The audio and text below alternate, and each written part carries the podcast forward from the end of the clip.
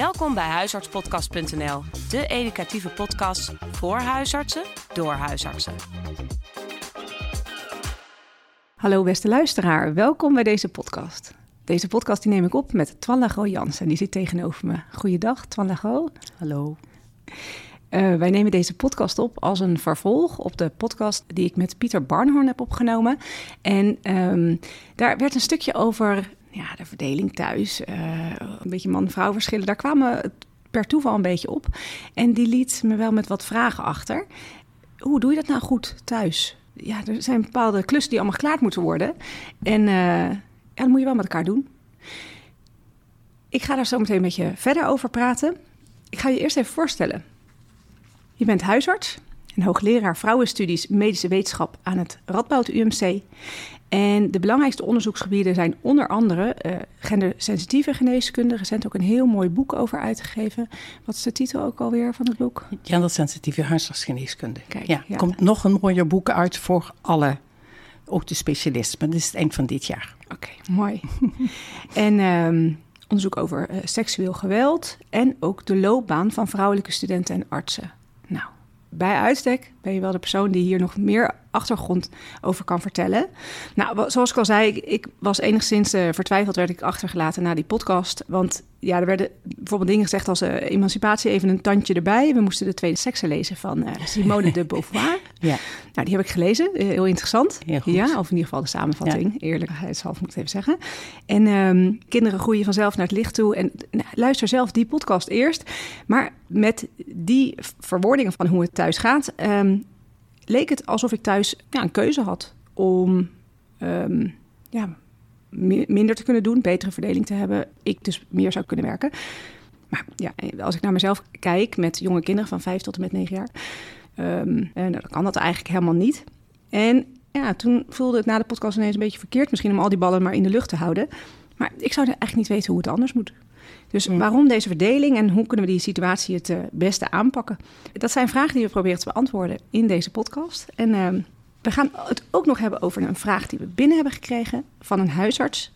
En waar we het ook over gaan hebben, dat is een interessant onderzoek, is gedaan door Emma van Zalingen over vrouwelijke huisartsen. Een slag apart? Vraagteken. Dat is in het HNW verschenen van 2008. Ik zal deze ook even in de show notes uh, benoemen.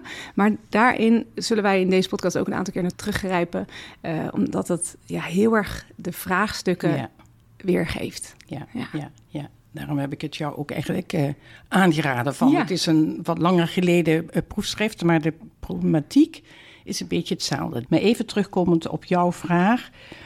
Uh, het is het is, je had een beetje, denk ik, het gevoel alsof je wat verkeerd had gedaan en dat je andere keuzes ooit had moeten maken. Ooit had moeten maken, ja. Ooit had ja. moeten maken, dat weet ik niet, daar kan ik niet over oordelen. Wat ik wel kan zeggen is natuurlijk dat dingen die, um, die het gevoel achterlaten dat je iets niet goed doet, is nooit zo'n fijn gevoel. En het is ook wel een heel erg zwart-wit gevoel. En misschien is dat misschien het, datgene wat ik ja, wat ik breder wil trekken. Om te kijken van alles wat je beoordeelt of iets emancipatoire is, bijvoorbeeld. Hè? Als het gaat over de vrouwenemancipatie. Of het vrouwen meer zeggenschap heeft over hun leven. Of dat iets um, anderszins zinvol is in het leven. Um, wordt bepaald eigenlijk door de context die iemand heeft. Dus ik denk dat dat eigenlijk het belangrijkste is. En om nou die context van de vrouwelijke huisarts, want dat ben je, hè, de vrouwelijke huisarts die ook moeder is. Ja, want ik heb mezelf eigenlijk niet voorgesteld, maar ik ben Femke Veldman, huisarts. Ja, goeie. Ja. ja. ja. En um, dat is wel een punt wat al zeker al, al decennia speelt. Um, en ik denk dat het goed is om te kijken van um, dat het heel erg te maken is met hoe wij bepaalde ideaalbeelden invullen. Dus je hebt het ideaalbeeld natuurlijk van de professional. Mm -hmm. Daar zal ik het straks mee beginnen. En je hebt het ideaalbeeld van moederschap. Wat ja. is een ideale moeder die je wil zijn? Mensen hebben dat allemaal in hun hoofd. Mensen hebben het idee in het hoofd dat dat individuele keuzes zijn. Dat heb je ook gedacht. Je denkt, ik heb individueel verkeerd gekozen, maar het is eigenlijk uh, groei je op natuurlijk in een bepaalde cultuur, dus in een maatschappij. En bedoel, het is echt cultuur heel breed. En in zo'n cultuur heb je bepaalde ideaalbeelden. Nou, het ideaalbeeld van de professional, om daarmee te beginnen, van de huisarts. En dat is wel iets wat in het onderzoek ook van uh, Pieter naar voren kwam. Dat is dat ideaalbeeld is het feit dat je continuïteit van zorg moet leveren en dat je persoonsgerichte zorg moet leveren. Dat ideaalbeeld, dat verschilde niet tussen um, de opleiders en ook niet tussen de AJOS. Ik denk dat dat heel belangrijk is om dat uh, vast te stellen. Wat wel steeds verandert, dat is de omstandigheden of de voorwaarden die degene die het beroep uitoefent, dat die persoon, die, die, die persoon graag ziet dat er ook verwezenlijkt is. Dus dan gaat het over, inderdaad, gaat het over werktijd, het gaat over verdeling van zorg met het werk. En ik denk dat daar eigenlijk ook in het onderzoek van Emma van Zaning kon je zien dat er toen ook verschillen van mening waren. En dat is dan ongeveer een jaar of dertig geleden. Het gaat er eigenlijk over dat de beelden, de ideaalbeelden van onder welke omstandigheden, onder welke context moet je het uitvoeren, die verschillen. Niet de ideaalbeelden wat een goede huisarts zou, zou moeten zijn in de kern van de zaak, de kernwaarden van de huisartsgeneeskunde. De kernwaarden van de huisartsgeneeskunde, die worden zowel voor AJOS als voor de opleiders, hè, worden die gedeeld. Mhm. Maar het verschil zit hem in de, de voorwaarden waaronder um, opleiders, blijkbaar zo blijkt, hè, zo staat het in het onderzoek, zijn de uitresultaten, de AJOS en de opleiders dat willen uitvoeren. Dat is verschillend. En dat was bij Emma van Zaningen ook al zo. Ja, ja want er staat ook in dat onderzoek, staat, um, dit generatieverschil lijkt dus vooral over beschikbaarheid te gaan. Ja, en niet over betrokkenheid. Ja, ja, het gaat helemaal niet over betrokkenheid. Nee. Ik zie dat ook eigenlijk helemaal niet terug. Dus wat dat betreft, uh, ja. Ja, en dus dan vraag ik me ergens af, hè, die beschikbaarheid, waar dus het generatieverschil over gaat, met de komst van de huisartsposten. Ja, hoe groot is dat probleem? Tenzij alle uh, toekomstige huisartsen altijd maar twee dagen in de week blijven werken, dan wordt het wel een beetje een probleem. Ja, ik denk dat men nu gemiddeld drie à vier dagen werkt in de week. Hè? Dus een beetje als je kijkt naar het uh, gemiddelde. Um, nou, ik denk wel dat het een probleem kan zijn als men daar niet uh, aan de tafel gaat zitten om te kijken van wat is nu echt essentieel van het vak en hoe kunnen we dat anders organiseren. Um, nou, gewoon een heel klein voorbeeldje van mezelf. Dan heb ik het ergens over 1975, 1976. Mijn man ging toen in opleiding voor, huisarts, uh, voor de huisartsopleiding volgen. Het was toen nog één jaar. Uh, en daar, en we hadden kinderen. En het was toen werkelijk gewoon bij, bij wijze van uh, die opleider waar die dus de stage liep, um, die was echt verbijsterd van het feit dat hij eerst de kinderen gewoon naar school bracht. Ik had toen al werk waar ik gewoon om acht uur moest beginnen. Snap je? Dat was verbijsterend. Nou ja, dat zal nu, denk ik, mensen zullen daar nu in elk geval ook van de, de, opleiders zullen daar wat meer open voor staan. Maar ik wil alleen maar zeggen dat ook toen was de betrokkenheid voor het vak van mijn man even groot, zal ik maar zeggen, als degene waar die de opleiding bij volgde. Nou, dat is dus één punt een beetje van, uh, van die professionaliteit. Dus ik denk dat men gewoon bij elkaar moet gaan zitten om te kijken hoe kunnen we dat organiseren, hoe kunnen we die continuïteit van zorg voor het hè, zo goed mogelijk inderdaad garanderen zonder elkaar al bij voorbaat te verketteren. Ja. En een ander belangrijk punt vind ik wel um, het uh, moederschap, het ideale moederschap. Overigens wel leuk om te zeggen dat beide facetten, dus zowel de huisartsgeneeskunde als de zorg voor kinderen, dus de zorg voor patiënten als de zorg voor kinderen, zijn nooit klaar. Nee. Dus het is enorm demanding. Dus het is enorm veel eisend. Er is altijd iets zorgelijks. Of als er iets niet goed gaat daarin, is het altijd heel erg. Ben je geneigd om te denken dat het misschien toch door jouw tekort aan zorg is. Wat natuurlijk heel, helemaal niet, meestal helemaal niet aan de orde is. En dat moederschap, ook dat is niet iets wat uh, in alle culturen hetzelfde is. Ook dat is niet iets wat in um, uh, alle tijden hetzelfde is. Binnen Europa is Nederland natuurlijk echt on top als het gaat om part-time werken. Mm -hmm. En ik denk dat, dat het gewoon al goed is om dat, je dat te realiseren. Dus dat het wel zorg voor kinderen 24-7 moet zijn, maar dat ook die zorg niet altijd gegeven hoeft te worden door één persoon of door één persoon meer dan de andere persoon, als je het anders zou willen. Ehm, of dat, zoals in Zweden, ehm, daar ben ik wat meer bekend mee. Um, daar vond men gewoon dat men het kind tekort deed als het kind niet naar de opvang ging. Dat, werkelijk, daar is natuurlijk de opvang is daar ook veel geprofessionaliseerder. Hè? Mensen zijn beter opgeleid, toegankelijker, goedkoper.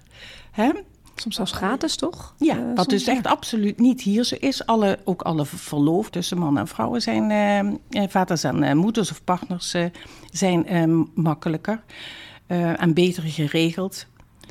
Maar zo'n simpel aspect als, nou ja, het is niet heel simpel, maar dat de kinderopvang beter geregeld is. Dat ja. dat dus maakt dat je als uh, ouder ja. makkelijker aan het werk kan. Want dat heeft natuurlijk ook te maken met een bepaalde mate van schuldgevoel. Dat in onze cultuur een beetje is ingebed van ja, je zou niet een kind vijf dagen per week naar de opvang brengen. Want dat hoort niet, uh, nee. hoor je wel zeggen. Nee, dan ben je ontaarde moeder. En ik vind dus echt dat, ja, dat, dat is wel iets wat in de hoofden, denk ik, van veel mensen Um, uh, moet veranderen.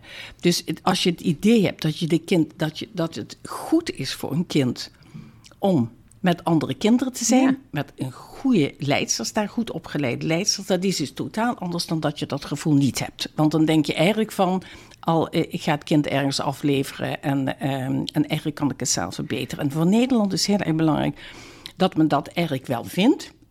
En dat men tegelijkertijd vindt dat de zorg dan op zijn minst binnen de familie opgelost moet worden. Dus worden opa's en oma's worden ingeschakeld. Want dat is nog de familie, even afgezien van de financiën. Hè? Maar dat, dat, men vindt dat veiliger, men vindt het beschermen, men vindt dat, men vindt dat beter. En dat is wel iets waarvan ik zelf denk um, dat, uh, dat mannen en vrouwen zich beter zouden moeten realiseren. Dat dat niet echt iets is wat per se zo hoeft, zal ik maar zeggen. Wat per se zo moet. Ik denk dat dat al sowieso iets is wat heel belangrijk is. Ja. Er is net een onderzoek gedaan, of ik las dat bij het um, cultureel... CBS doet echt prachtig onderzoek hiernaar. Of de Emancipatiemonitor, dus nog uh, uh, recenter. Dat zowel, dat is ook wel leuk, mannen en vrouwen vinden dus dat uh, vrouwen gewoon handiger zijn in de zorg voor kinderen. En ook handiger zijn in bepaalde zaken. Uh, ja, toevallig had ik vrijdag een, een, cursus die ging over je eigen ontwikkeling. Overigens wel bij uh, huisartsen. Uh, ook, en, en over het gendergedeelte. En ehm, iemand zei, ja, nee, ik laat mijn man echt niet meer de was doen. Dat is gewoon, dat gebeurt niet meer. Want dat, doet hij, dat doet hij dan helemaal verkeerd, zal ik maar niet zeggen. Niet op haar manier. Ja, precies. Ja, nou ja, ik geloof dat wel wat kleurtjes door elkaar waren gaan lopen. Of um, ja, het kleren klaarleggen, ja, voor, voor zover als dat überhaupt nodig is. om voor kinderen, maar wel heel snel willen kinderen die kleren toch zelf uh, uh, kiezen. Um, maar goed, dan gaan er dus combinaties gaan naar school waarvan dan eigenlijk uh, waarvan dan de moeder vindt dat het erg is en dat, dat grijpt dan weer diep in natuurlijk dan de kwetsbaarheid, omdat je al schuldig voelt dat je niet zelf dat kind uh, naar school kan brengen. Dus dat zijn wel dingen waarvan ik zelf denk, um, dat leeft nog altijd. Hè? Dus men vindt dat in het algemeen in de populatie en datgene wat in een cultuur leeft, dat neem je natuurlijk over. Dat internaliseer je, want zo word je gesocialiseerd. Maar het is wel goed om te beseffen dat dat in een individuele situatie de beste keuze kan zijn. Zoals het bij jou um, uh, mogelijk zo is.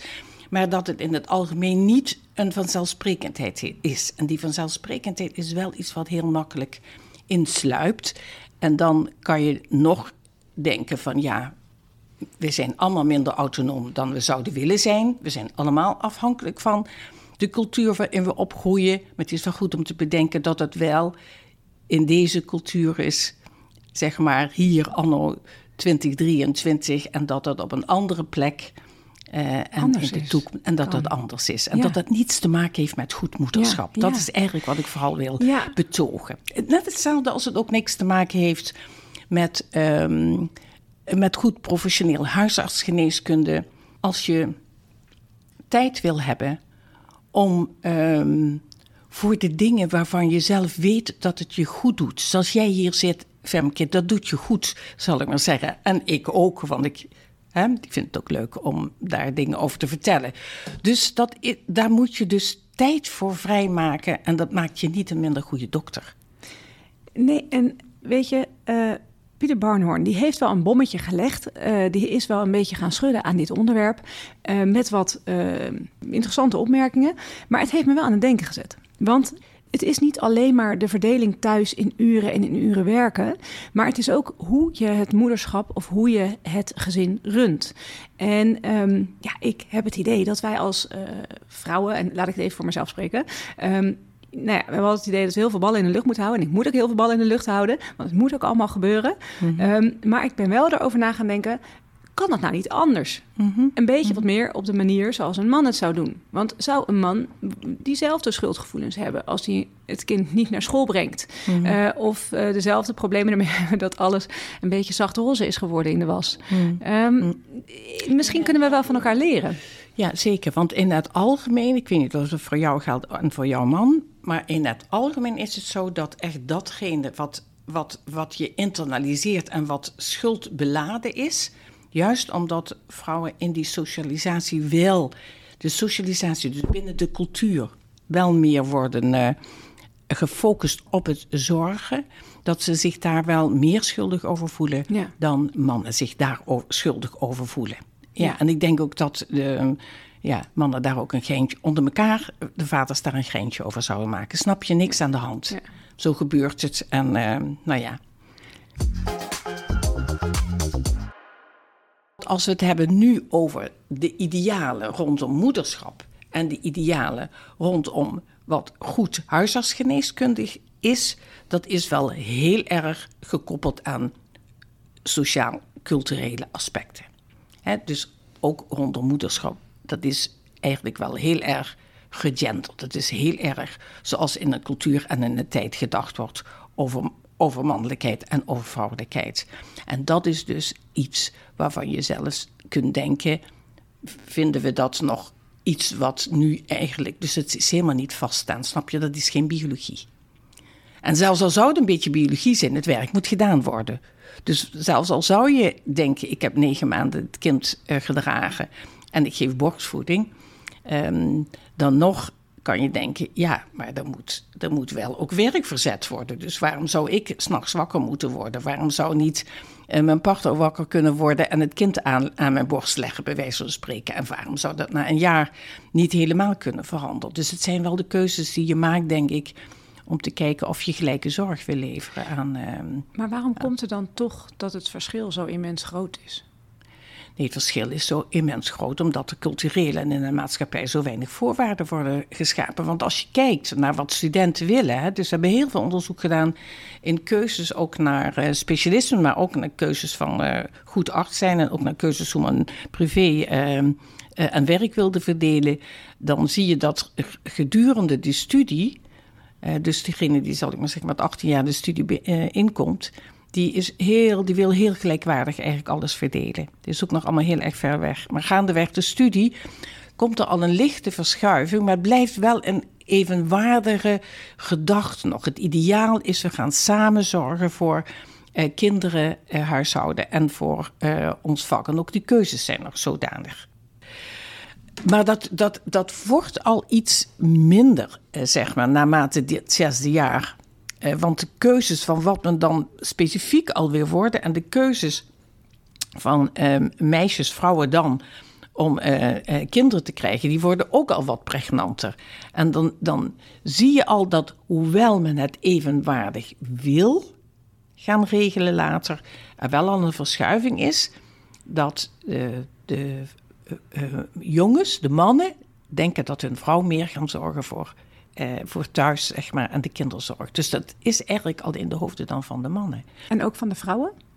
En voor de vrouwen is, het, dus de evenwaardigheid, de gedachte echt veel groter. Hmm. Dus het evenwaardige idee van, ik, wij gaan het, dus de ambitie is... Is er bij de vrouwen wel? Ja, oh zeker. Ja, maar bij dus de mannen is die al eerder weg, ja, die ambitie. Ja, ja, ja, ja. Dus de mannen is de professionele ambitie voor het gaat overheersen boven het vaderschap. Hmm. Laat ik het zo zeggen, boven het ouderschap. Ja.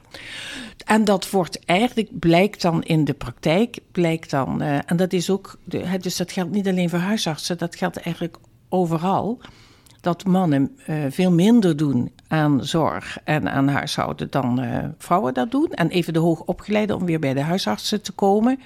Um, daar is het wel wat minder, maar het, maar het is nog altijd een behoorlijk verschil. Dus dan krijg je een vrouwelijke huisarts, Mhm. die inderdaad het merendeel van de zorg thuis heeft. Over, ik, ik noem het nu groepsgewijs. Ja. En die ook, eh, eh, en ook professional is. Ook gewoon het, ook het huisartsenvak goed wil doen. En die loopt op allebei, de, allebei die rollen, zal ik maar zeggen, loopt ze tegen barrières aan. In de huisartsgeneeskunde loopt ze er tegenaan dat het nog altijd zo georganiseerd is dat men geen rekening houdt, of te weinig rekening houdt, met het feit dat je behalve dat vak ook andere zaken belangrijk vindt. We hebben nu moederschap genoemd, maar het kunnen ook echt andere zaken zijn. Eh, en, Mantelzorg voor bijvoorbeeld van ouders of zo. Ja. Of, eh, ja. ja, maar ook eh, dingen waarvan je denkt, die heb ik nodig om energie te krijgen. Hobbydingen. Ja. Ja. ja. ja. Eh, dat dat, omdat dat belangrijker is. Ik denk wel van, eh, van dat dat wel echt van deze tijd is, of van de laatste vijf jaar, of de laatste tien jaar, dat men dat belangrijk vindt. En dat lijkt mij gewoon goed. goed dat lijkt me gewoon goed. Hè? Dus dat je zorgt dat je energievol blijft en dat je, ehm, dat je energie ook oplaat, zeg maar. Ja, Hè? ja. En dat je, ja, dat je gewoon mentaal gezond blijft. En in het moederschap zijn de barrières die je net ook al noemde. is geen goede opvang, zeg maar. Eh, er is eh, niet eh, vanzelfsprekend nog in de gedachtes dat men het eigenlijk de kinderen gunt om een nou, goed kinderdagverblijf te hebben. Andere kindjes te spelen. Maar wel onderzoek naar is dat het eigenlijk helemaal niet schadelijk is voor kinderen. Dus daarvoor hoef je het niet te laten. Het is echt goed onderzoek, pedagogisch onderzoek naar. Nou, dus is het wel niet zo heel erg raar dat vrouwen dat, ehm, die AJOS met een jong gezin, Of de beginnende, de beginnende huisarts. Ja. ja precies, ja, dat die dat ehm tropenjaren noemen. Je kan het ook anders noemen, maar het zijn in geval hele erge ehm, inspannende jaren. Eh, de, de- als je kijkt naar kwaliteit van leven, dan vinden dus ouders met jonge kinderen, vaders en moeders, de kwaliteit van leven het laagst. In hun hele, ja, in hun hele, ja, dus veel lager dan mensen die geen kinderen hebben. Voor vaders en voor moeders. Bij burn-out zie je een verschil in de kenmerken van mannen en vrouwen, in de uitingen. En het is dat vrouwen gaan proberen om een tandje bij te zetten en om harder te werken. En dan raak ik dan uitgeput. Dus uitputting is eigenlijk veel meer een symptoom wat bij vrouwen optreedt. Vrouwelijke huisartsen die burn-out zijn. En bij mannen is het veel meer dat men zich eigenlijk als het ware afschermt. Dus dan gaat het veel meer over de, ja, ik noem het dan de distractie. En dat betekent als je dus eigenlijk je als het ware een beetje vervreemdt van dat werk, dat je veel meer cynischer wordt. Dus dat, dat is wel een, verschil. En dat heeft er wel mee te maken dat in de socialisatie, in deze cultuur, die, dat, er, dat, er, dat er je, relaties, dus ook de relatie met de patiënt of ook de relatie in een team, dat het voor eh, vrouwen belangrijker is voor een eigen identiteit en voor een eigen welzijn dan het voor mannen is. Ik zeg niet dat het voor mannen helemaal niet belangrijker is, maar voor mannen speelt veel meer dat er een, ja, dat er een doel behaald wordt, zou ik maar zeggen, dat er een prestatie geleverd wordt. Ook allemaal binnen een cultuur waarin mannelijkheid en vrouwelijkheid al zodanig is gedefinieerd. Dus dat is eigenlijk wel wat je in de gaten moet houden. Dus een kwetsuur van vrouwen is inderdaad die te grote betrokkenheid, waardoor ze tandjes bijzetten. Dus de tandjes bijzetten van Pieter lijkt me niet zo'n heel erg goed idee. Even een emancipatietandje bijzetten. Uh, en voor mannen is de kwetsbaarheid dat men zich eigenlijk als het ware gaat terugtrekken, ja, een beetje gaat verharden. Hè? Dus dat men cynisch wordt. Um, en dus ook zich wat gaat isoleren. Dus het zijn maar verschillende manieren waarop je in geval kan, nou in geval ook naar je team kan kijken van uh, hoe iedereen erbij zit en hoe iedereen functioneert. Dus als je een mannelijke collega die altijd al een beetje, ja, wat, wat cynischer getinte grappen maken. Als je echt helemaal cynisch wordt, dan is het wel goed om even te vragen van hoe gaat het met je? Lijkt mij. Ja. En bij vrouwen is dat dan veel meer het uh, zuchten en het uh, ja, te veel betrokken raken. En inderdaad uh, vermoeide ogen en weet ik wat je allemaal zou kunnen Zwaar belast. Ja, Ja. zwaar belast. Ja. ja. Dus dat zijn wel de verschillen, denk ik, ja. En ik denk gewoon om die, om die vitaliteit binnen de huisartsenprofessie te houden... denk ik is het heel erg goed om inderdaad te kijken van hoe, wil, hoe willen de jongere uh, artsen het? Hoe willen de jongere pas beginnende huisartsen of de huisartsen die tussen de 30 en de 40... ik weet niet precies welke groep het meest moeilijk heeft... Nou, toch degene met de jonge kinderen, denk ik. Denk hè? ik, ja. Ik vind het vind wel zo dat eh, kinderen vragen zorg, patiënten vragen zorg. Dus je kunt ook niet doen alsof kinderen inderdaad zonder zorg eh, groot worden. Want dat is natuurlijk Ja. niet zo. Het is wel weer zo dat er nu meer dan ooit tijd aan kinderen wordt besteed en op de opvoeding wordt, aan besteed wordt, zeg maar. Dan dat ooit in de grote gezinnen was. Maar toen kon het ook niet anders. Ja. ja, en dat was dus ook mijn eigen ontdekking. Als je kijkt, als je niks aan de verdeling kan doen, maar wel aan de hoeveelheid tijd die je spendeert aan bepaalde dingen die ik ja, belangrijk vind, Ja. dan kan dat dus ook anders. En dat is dan persoonlijk. Uh, maar dat is wat je zegt. Uh, er wordt tegenwoordig natuurlijk heel veel met kinderen tijd besteed. Maar dat, is, dat kan ook om je heen opgroeien. Ja. Ja. Dat hoeft niet allemaal samen. Ja, ja, dat is zeker zo. En ook, nou ja, ik doe ook heel veel coachgesprekken natuurlijk. Eigenlijk ook al jarenlang. Is, soms zijn dingen ook wel, die zitten dan zo vast in iemands hoofd, omdat hij dat per se zo wil doen. Dus um, zelf eten koken bijvoorbeeld. Ja, ik kan me nog heel goed herinneren in een, een situatie waar iemand wel had gezorgd dat iemand in huis dan was. En dan kwam die nou ja, dit is het meest ongelukkige moment als iedereen weer thuis komt. Hè, tegen een uur of half zes of zo, of zes. Of in ieder er moet gegeten worden. En uh, iedereen moe, iedereen wil je aandacht van je kinderen ook. Nou, dat je dan nog eten gaat koken als het niet je lol is. Want als het je lol is, is het weer wat anders. Met, met kinderen om je heen is me meestal eten koken niet, zo'n, uh, niet zo gezellig. Terwijl het zo ontzettend makkelijk was geweest om gewoon de hulp die er was te vragen of ze niet alles klaar zou zetten. Voor mijn part dat ze gewoon ook het eten nog had. Op, je kunt iets dingen afspreken, maar dat was dan zoiets wat, wat iemand vond dat dan ook moest. En dan moest het natuurlijk ook nog helemaal gezellig zijn, want het is het enige moment dat iedereen bij elkaar uh, zat. Nou, dat is, iedereen is moe en dit is helemaal niet zo'n gezellig moment, snap je? En dan, nou ja, dan was, ja, dan, dan was dat ook weer uitputtend. Het is wel een hoogopgeleide, maar ook een financieel draagkrachtige groep, die huisartsen. Dus men kan ook kijken wat men wat makkelijker niet zelf moet doen, maar uit de handen kan geven aan een ander. Ja, ja. ja maar zo'n vrouw die het koken niet overlaat aan een ander, maar het zelf wil doen, dat herken ik niet per se. Maar ik kan het me voorstellen dat dat in het hoofd zit. Ja. En dat je dat dus van jezelf ja. eist. Ja. En ik kan ja. me ook voorstellen dat een man daar iets minder last van heeft. Ja. Ja. Ja. Het is allemaal natuurlijk een beetje 80-20 regel, hè? Want uh, dat daar is ook overlap in, in karakters. Nee, zeker. Nee, zeker. Nee, maar dat is de socialisatie. Die socialisatie van mannen en vrouwen, die is anders. En de socialisatie gebeurt in een bepaalde cultuur. Ja, ik wil het enorm benadrukken. Dat, is, uh, dat is natuurlijk ook wat Simone de Beauvoir inderdaad zei. Biology is niet een destiny, is niet je uh, noodlot. Hè? Nee. Daar, daar kunnen, dus dit voor een gedeelte is dat cultuur. Um, en waar het heel belangrijk is om, ja, om, te, om te kijken hoe het gewoon goed past binnen je eigen relatie of binnen je eigen groep waar je in ja. verkeert. Ja.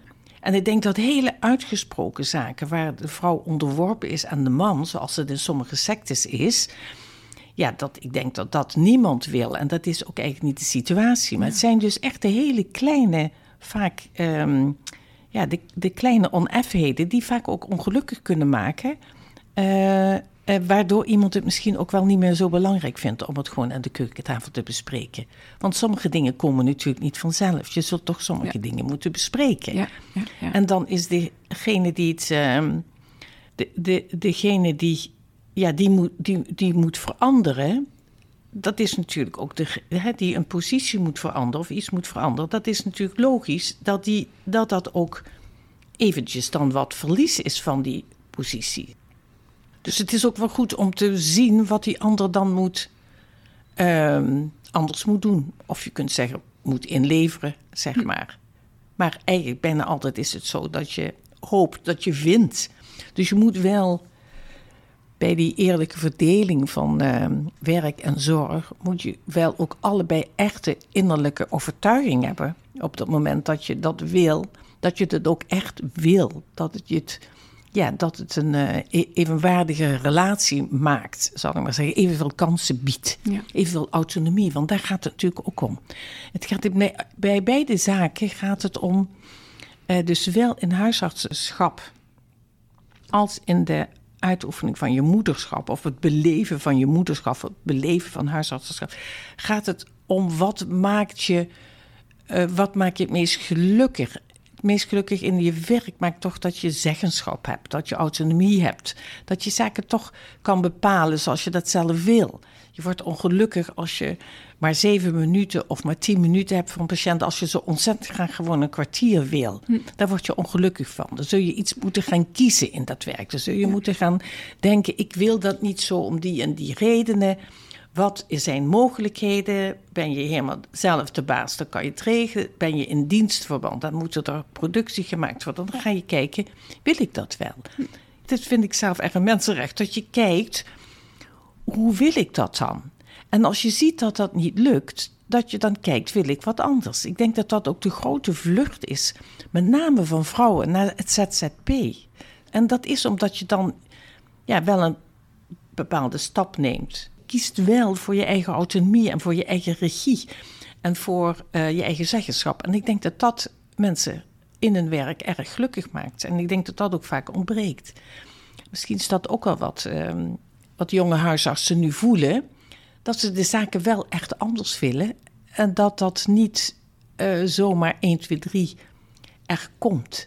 Dus dat is wel iets wat, ja, ja dat, dat vraagt gesprek binnen de beroepsgroep. Die moet daar open voor staan. Kunnen we dit een beetje in de geschiedenis plaatsen? Zeker. Heel belangrijk om hè, voor, ge- voor een beetje historisch besef dat in 56 eigenlijk de wet op de handelingsbekwaamheid is gekomen voor vrouwen. Dus van tevoren waren ze onbekwaam voor, van allerlei, eh, voor allerlei zaken, zeg maar. Onder andere het beheer van het geld natuurlijk. En in 75 is het terechtgekomen op gelijk loon. Dat is wel interessant om te weten dat nog altijd de grootste loonkloof bestaat tussen de hoger opgeleiden, tussen mannen en vrouwen, dus ook inderdaad bij huisartsen. Maar heeft die NAG en de LAV eh, hebben ze zaken gedaan. Ze hebben nooit als vereniging met de, mm, zeg maar, met, met de vuist op de tafel deze onderwerpen geprioriteerd, maar er is wel veel gebeurd. Dus als je bekijkt dat in eh 77, toen ik ging solliciteren voor eh, praktijken over te nemen, dat toen huisartsen gewoon zeiden dat hun patiënten geen vrouw wilden, als de eerste vrouwelijke huisarts in, in, in Nijmegen, dat is bijna nu ondenkbaar dat het er gezegd zal worden. Want toen ik mij vestigde, toen ik huisarts werd, was er natuurlijk een enorme belangstelling van vrouwen die echt inderdaad ehm, ook ontevreden waren over de zorg die ze ontvingen. Zowel van huisartsen, overigens ook van specialisten. Er is ervoor gezorgd dat, en dat was een werkgroep bij de NRG, en er is ook een werkgroep opgericht bij de LFV, en dat was een werkgroep die heette Vrouw en Huisarts. Ongeveer hetzelfde op beide plekken. Waarbij de LFV-werkgroep ervoor gezorgd heeft dat de praktische belemmeringen op de agenda kwamen. En dan gaat het over zwangerschapsverlof wat niet geregeld was. Het was niet geregeld dat je een eh, lening kon krijgen als je een, een praktijk overnam. Hè, er was in die periode was daar nog veel geld eh, eh, voor nodig. Dus je kon praktisch ook gewoon niet Nee. goed huisarts, eh, Nee. gevestigd huisarts worden? Nee. Nee, nee. Je, als je goed gaat kijken, dan zie je ook dat bijna alle huisartsen uiteindelijk, ook al waren ze misschien eerder in een, ehm, in een, eh, soort HITA-positie eh, werkzaam, uiteindelijk is dat met een partner samen gebeurd dat ze huisarts zijn Oh ja. geworden. Dus dat was, was, ja, dat was echt helemaal not done. En En- men had ook daar hele grote bezwaren tegen. En jij spreekt dan over de 77. Ja, eh, ik- wilde je zelf. En Ja. wanneer is het een beetje... Ik- nou, echt, ik denk een beetje zo 75.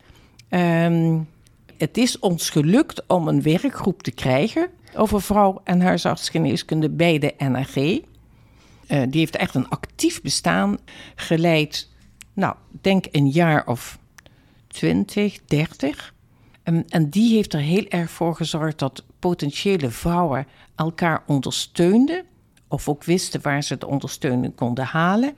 Um, om hun ambities waar te maken. Dat waren de ambities om um, uh, universitair hoofddocent te worden of een, een plek te krijgen als coördinator, een leidinggevende bestuurlijke plek. Of in het onderzoek als hoogleraar. En dat heeft denk ik ook wel echt um, vruchten afgeworpen. En die vrouwen op hun beurt hebben er weer voor gezorgd dat ze hun positie hebben aangewend om andere. En dat hebben echt alle vrouwen gedaan.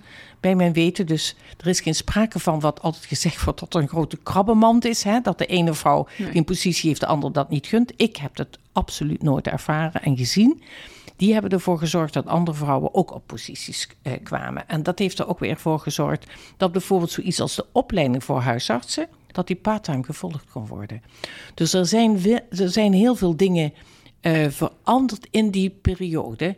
Um, en het verschil misschien van het toen met nu is dat er nu ook nog contextueel een volledig andere situatie is. Want er is een tekort aan huisartsen. Er is een enorme workload, meer nog dan toen. De autonomie van huisartsen of ik weet niet goed hoe ik moet zeggen, maar in ieder geval de eigen regie van huisartsen is minder dan dat het toen was. Daar zitten natuurlijk ook slechte kanten aan die eigen regie. De kwaliteitscontrole is natuurlijk nu veel beter geworden. Maar de ziektekostenverzekeraars hebben ook een veel grotere rol gespeeld. Politiek is nog veel meer het liberale beleid. Is, uh, heeft ten nadele gewerkt, denk ik, voor heel veel mensen. In de kwaliteit van zorg en het plezier in het werken. En dat zijn zaken die beide geslachten treffen. Uh, maar soms vrouwen meer treffen, omdat die wel heel erg graag prettig willen werken in een goed team. Wat goed samenwerkt.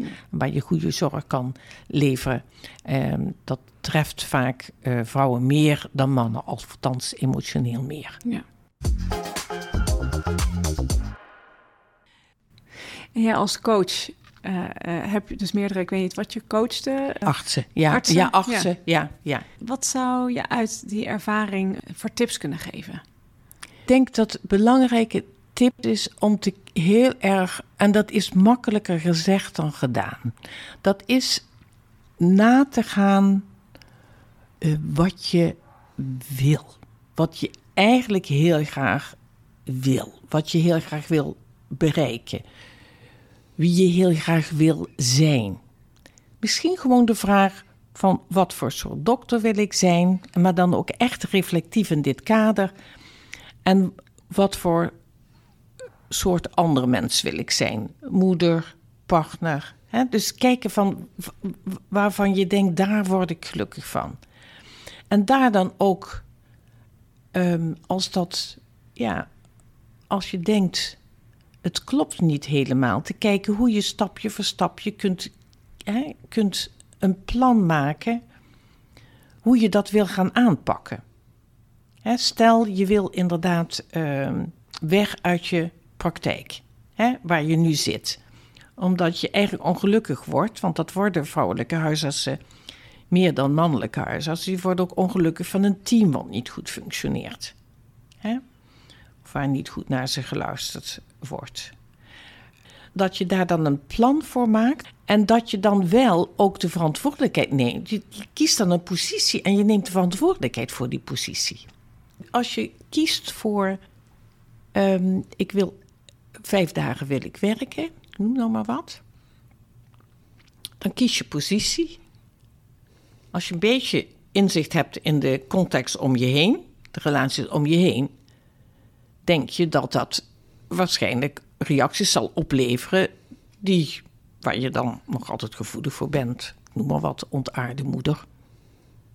Of, uh, nou, ambitieus en dan heel erg in de verkeerde zin. Hè? Als je dat kiest. Nou, je kunt ook, hè, dus dat je verantwoordelijkheid neemt voor je keuze. Die niet altijd even plezierig is. Ja. Ja. Als je een andere keuze maakt, bijvoorbeeld dat je heel gelukkig wordt van het moederschap. Echt heel gelukkig. En ook vindt dat dat gewoon helemaal is wat je wil, dan maak je die keuze daarvoor. En dan, nou, dan draag je die positie ook uit. En dan weet je dat je mogelijk ook andere mensen tegenkomt die die keuze niet zullen maken. En dan hoop je dat beide mensen die de keuzes maken ook altijd mensen zullen tegenkomen die met respect naar hun zullen kijken. ja. Maar je moet wel kijken naar wat wil ik zelf. Ja, En we daar hebben jezelf. Ja. Ja. en we hebben natuurlijk een heleboel huisartsen, een heleboel verschillen. Een heleboel verschillen tussen vrouwen onderling ook. Dus ik, ja, ik denk dat je met die verschillen rekening hebt Nou, nu ik dat allemaal gezegd heb in het persoonlijke gesprek, zeg maar wat je met iemand hebt, heb ik natuurlijk wel zelf mijn mening dat ik zelf vind dat je hoog opgeleid bent, je hebt kwaliteiten, je hebt dat vak, je hebt de studie gevolgd, je hebt het vak willen kiezen, je hebt een vak met een maatschappelijke verantwoordelijkheid. Ehm, dat ik zelf ervan overtuigd ben dat je, het hoeft niet van mij, dat je als huisarts of als werkende vrouw, laat ik het zo zeggen, gewoon fulltime kunt werken. Dat hoeft voor mij niet fulltime in de huisartspraktijk te zijn. Dat heb ik ook nooit zo gewild, omdat ik dacht het is enorm uitputtend als je dat vak wil doen, want het vak is wel dienend. Het moederschap is gewoon dienend. Het is allebei zorgverlenend. Dan ben je echt op het tweede plan. Als, in deze context. Dat Snap moet, je? dat moet je wel fulltime vol kunnen houden. Ja, Ja. en dat is, ja. Dus er is iets anders, want de mens bestaat uit verschillende andere dingen. Dat is iets waar je veel meer je competenties die je hebt, of dat nou is in het schrijven, of in het maken van podcast, of in het presenteren van verhalen, of in het onderwijs geven, waar je gewoon veel meer centraal zelf kunt staan. Daar moet je ook voor werken, maar het is een totale andere dan dat, ja, ik noem het toch het dienende wat je hebt in de huisartspraktijk en Ja, het dienende ja. wat je hebt in de zorg. Je bent niet dan alleen maar in het kader van anderen bezig, maar ook in het kader van je eigen product. Ja, ja, ja, ja. En ik denk dat dat, nou, dus dat is wat ik Complementair is, Ja, ik denk dat dat, eh, ja, mij althans, eh, heel erg mentaal gezond heeft gehouden, als ik dat zo van mezelf Hm. mag zeggen. En, ehm, en ook energievol, omdat altijd op allebei de terreinen is godzijdank een boel te doen en een heleboel reuring. Dus je kan altijd ook wel eh, kijken waar je dus weer opgesch opgeschud wordt of je mening moet, eh, ja, je mening moet geven. En, en, en soms doet dan, soms doet dan zo'n keuze pijn. Als je niet bij, weet ik wat, het, eh, de zwemles kunt zijn of het eh, eh, diploma van je kind, de- weet ik wat, het A-diploma, ik noem nu maar wat. Of misschien nog iets belangrijkers. Eh, dat is dan een gevolg van je keuze. En dat doet pijn en dat hoort bij het leven, zal ik maar zeggen. En dat Ja. kan ook zo zijn in de huisartsgeneeskunde. Hè, als je wel maar zorgt dat er dan iemand anders is. De terminale zorg, dat je gewoon zorgt dat er iemand anders is. Je moet, het- je moet dingen onder ogen zien en dan voor jezelf en met je team en met anderen proberen te regelen. Hm. Ja. Ik wil nog eens even naar eh, de vraag als eh, laatste, denk ik. Hè? Ja, ja, dat is prima. Of heb jij nog dingen? Je denkt, dat wilde ik nog even aanstippen. Ik heb nog wel een hele mooie over dat moederschap. Want dat heb ik dus echt 8 maart gehoord. Dus echt gehoord. Dan is er altijd zo'n heleboel te doen hier in Nijmegen. En dat was de, een hoogleraar economie, een vrouw, jonge vrouw nog. En die had een heel verhaal en die kwam tot de conclusie, die wil ik alleen maar even zeggen, want dat vind ik wel weer zo mooi. Die zei, en dit ging over moederschap, economische waarde van moederschap. Ik ga het niet helemaal uitleggen, maar de quote, de eindquote was, moeders zijn de stille, uitgeputte ruggengraat van de samenleving. En dat vond ik wel een hele mooie. Om, eh, dat, en dat moet niet, snap je? Nee. Dat moeten we niet willen. Maar oké.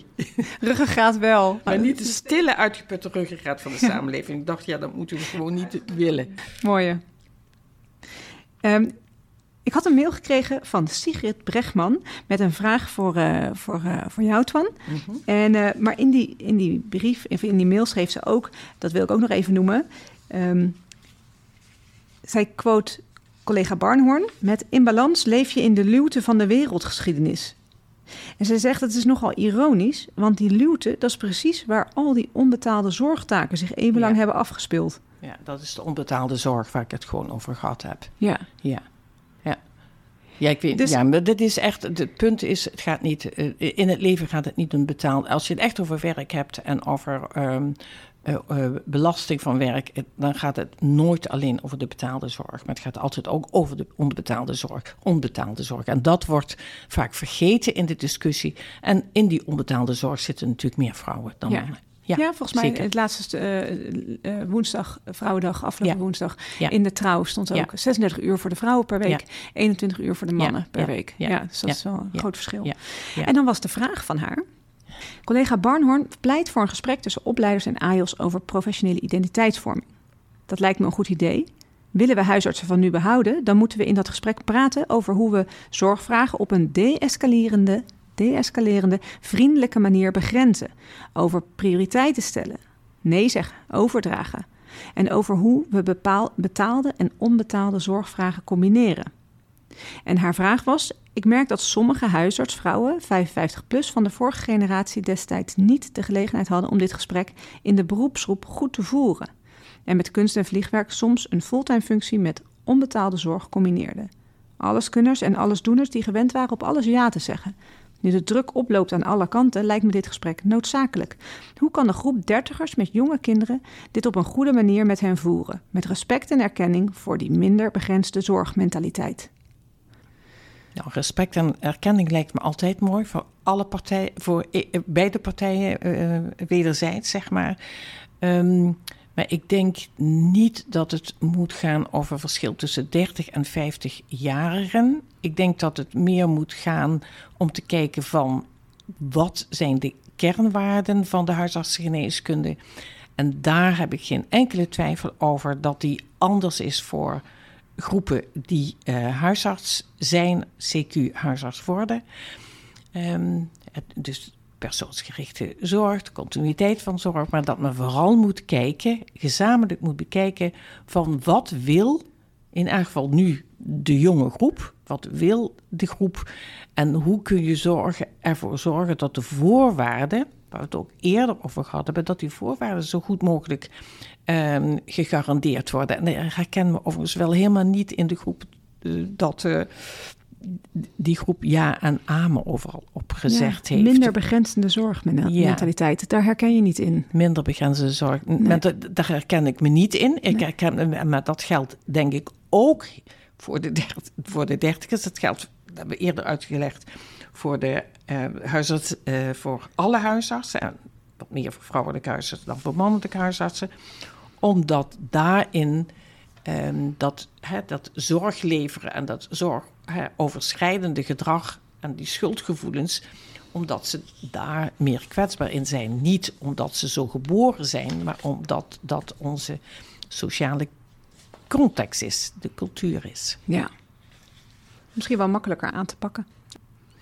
Ik weet dat ooit iemand zei tegen mij van genderstudies, die was van de sociologie, die zei: Ik geloof dat seksen makkelijker aan te passen is dan gender, dus dan de cultuur. En ik weet dat ik helemaal verbijsterd was. Hmm. En dat ik denk dat er wel een kern van waarheid in zit. Zeker nu met die hele transgenderzorg. Maar het ja. is een heel ander ja. probleem. Twan Lago, hartelijk dank dat we het hierover konden hebben. Ik begrijp dat dit ver vragen op gaat roepen. Uh, dat kan uiteraard gestuurd worden naar huisartspodcast.gmail.com. Dit was een podcast over uh, ja, verdeelkunst, kunst en vliegwerk. Uiteindelijk hebben we het professionals van deze tijd genoemd. Twan Dago, hartelijk dank. En ik ben Femke Veldman. Tot de volgende podcast. Bedankt voor het luisteren. Bekijk ook onze website op huisartspodcast.nl. Voor vragen of suggesties kun je mailen naar huisartspodcast.gmail.com. Tot de volgende keer.